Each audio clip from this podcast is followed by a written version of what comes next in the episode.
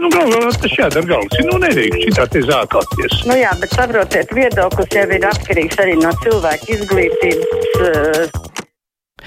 6722, 888, 672, 559, ir mūsu tālruņa numurs šeit studijā. Varat mums arī rakstīt, sūtot ziņu no mūsu mājaslapas.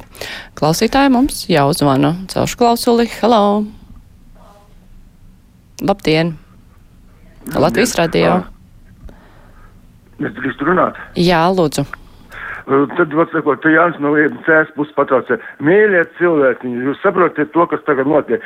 Cilvēce ir tik tālu aizgājusi no Dieva, ka vienkārši viņi nesaprot, ko viņi ir izdarījuši. Jo pēdējais mirklis jau, jau mums tika brīdināts atgriezties pie sava radītāja. Jo nav iespējams tālāk turpināt dzīvi pa vecu, pa, ir, pa, pa vecam, kā mēs kādreiz dzīvojam. Tā dzīve ir novedusi pie strupceļa, absolūtā strupceļā. Un turpmāk mums nedos neviens dzīvot tādu, kā mēs dzīvojam līdz šim. Tas ir jāsaprot. Uh -huh. skaidrs, paldies par viedokli jūsu.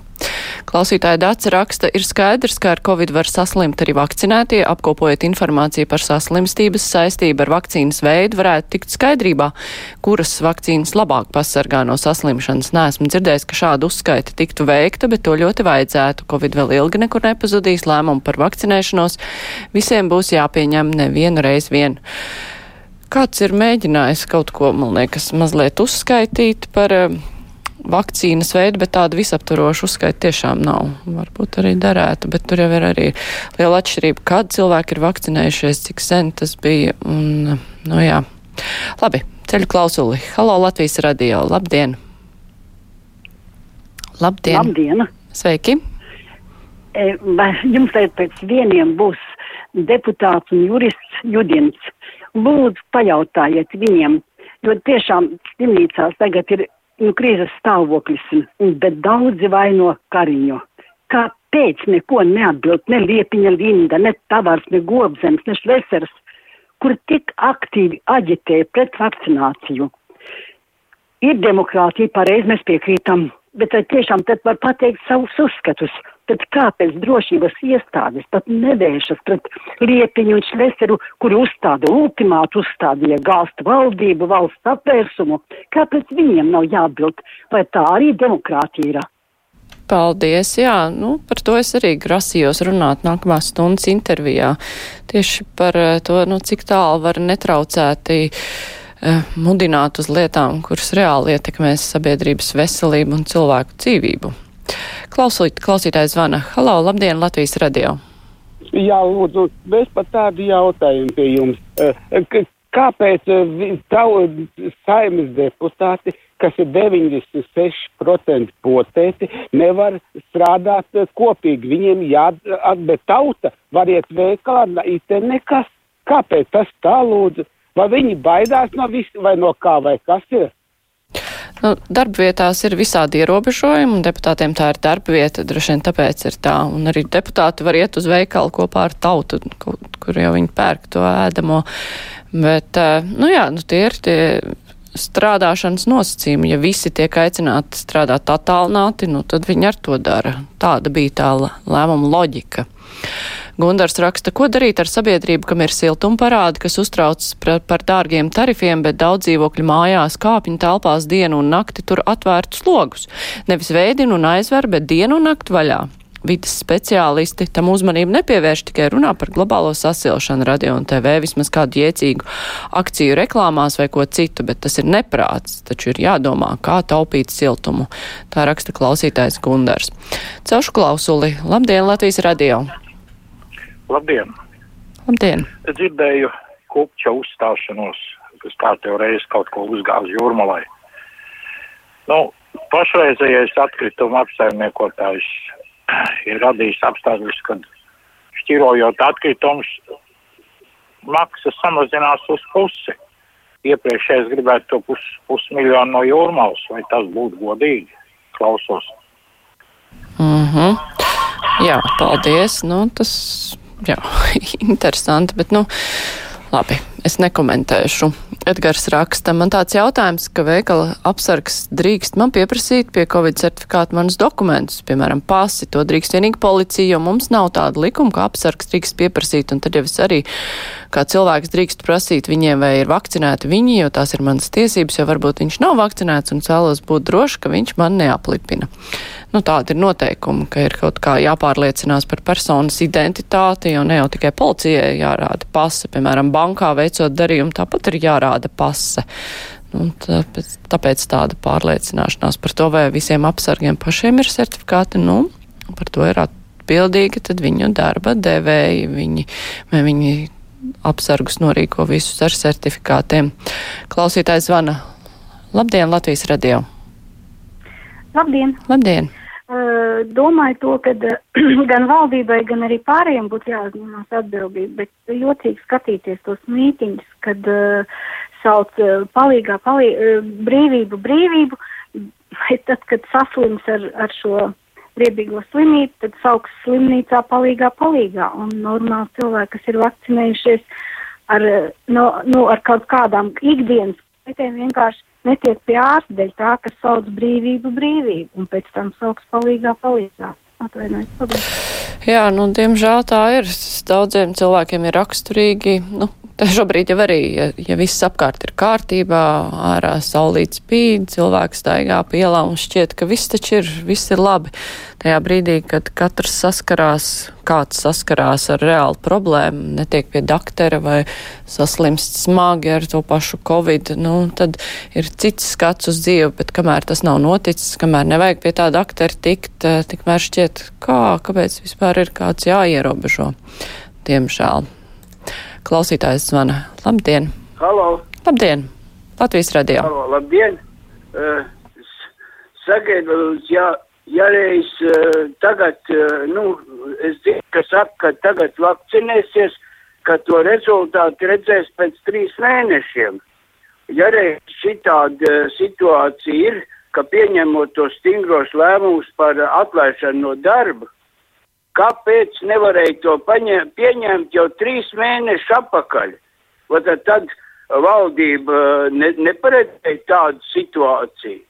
Trīs mēnešus atpakaļ tas bija vasarā un vajadzēja stingri pieņemt lēmumus valdības iestādēm, ja, ja viņš nav vakcinējies, tad lai iet prom no darba. Jo kāpēc tā jācieš tiem pāriem cilvēkiem? Un tagad mēs gaidīs atkal kaut kādu lēmumu pieņems, veikals taisīs ciet no kur tad tie līdzekļi nāks tajā valstī, ko, ko vispār izmantot. Jo veikali taču maksā PVN, visi cilvēki, kas iet pērk, aiztaisīs veikals ciet un tā vispār. Un ja es dzirdu šodien par, par rāģo teikt, viens budžets, kā piemēram budžetā ir paredzēts 2 miljārdi deficīts, tas iznāk, ja katra sestā daļa jo mēs esam aizņēmušies. Kas dos man bērni vai bērni bērni dos to visu, ko parādā?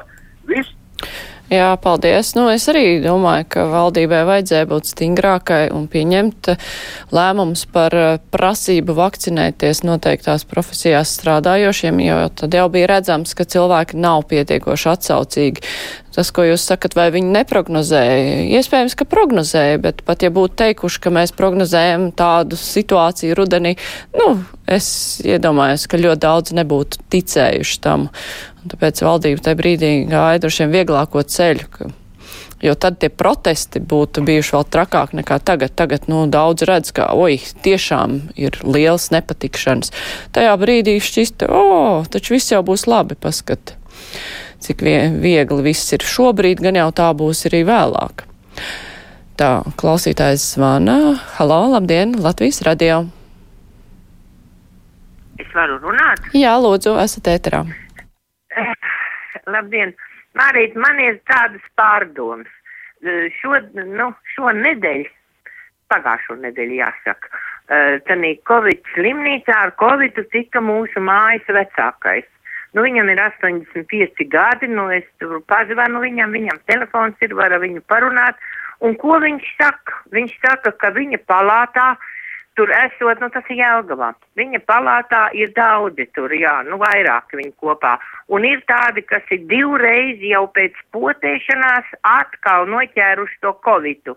Nu, ko tas nozīmē? Nu, lai tad tie dakteri ritīgi, nevis tas muzikants un tā Juhņēviči, lai viņi nemulsina mūs un lai, lai kārtīgs cilvēks pastāsta, vai tiešām lielākā nozīme tomēr nav mūsu gēniem mūsu imunitātei, nu tādai, tā kā tā potēšana, nu vajag laikam vai nevajag īsti, es ir nesapratu. Nu, vajag jau vajag, jo tomēr dati rāda, ka vakcinēti cilvēki daudz, daudz mazāk nonāk slimnīcā, saslims, slimo vieglāk. Par gēniem, nu, tur, es domāju, ir ļoti ilgi un dikti jāpēt, lai saprastu, kādi gēni ietekmē kādu slimību, un tas nav tik vienkārši, ka ir, ka to var tā, par daudzām slimī, slimībām jau meklē gēnu ietekmi, jo skaidrs, ka ir tādas slimības, kuras var mantot vai ies, lielāka iespēja ar to saslimt, bet es nedomāju, ka tik ātri var izpētīt šai gadījumā. Aija raksta šokējošajā stāstā par Bauskas skolotājiem, kas vēlas saslimt ar covid. Vēl ir otrs temats. Skolotāja pašlaik paņēmusi slimības lapu būdam vesela, kas ir ģimenes ārsts un kur panāks komentārs. Varbūt skolotāja ir satikusi savu covid slimnieku, ko viņa tā gribēja sastapt, un ir nokļuvusi karantīnā. Nu, tāds varētu būt mans skaidrojums.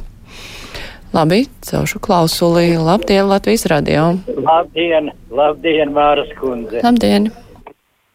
Man tiešām jūs visu norunājāt, ko faktiski es gribēju teikt, bet es vienu lietu vēl gribēju piebilst. Es abrīnoju, kad mēdīja pārstāvji no, no televīzijas 24. kanāls ļoti bieži aicina vānagu. Tā taču ir pilnīga aģitatora pret vakcinēšanos. Viņi taču ir pilnīgi, es domāju, skolotājiem nav vairāk kā trešā daļa arotbiedrībā. Un viņa burtiski, burtiski ir nezinu, valsts grāvēja. Paldies jums! Jā, paldies. Nu, es tomēr negribētu tā pārmest uh, Ingai Vanagai, ka viņa būtu pret vakcinēšanos. Viņa nav pret vakcinēšanos, viņa arī ir aicinājusi, nu, runājusi par to, ka ir svarīgi vakcinēties, bet viņa viens laika ir uzsver, ka to vajag darīt brīvprātīgi, ka būs problēmas. Bet, nu, diemžēl, nu, mēs redzam, ka brīvprātības princips ir ļoti slikti strādājis. Un, uh, daudziem ir nepieciešams obligāts pienākums. Tā kā nu, šai gadījumā Vanaks kundzei izrādījās, nu, viņas aicinājumi pietiekoši nestrādā. Bet nu, brīvais mikrofons ar to izskan, tagad būs ziņas.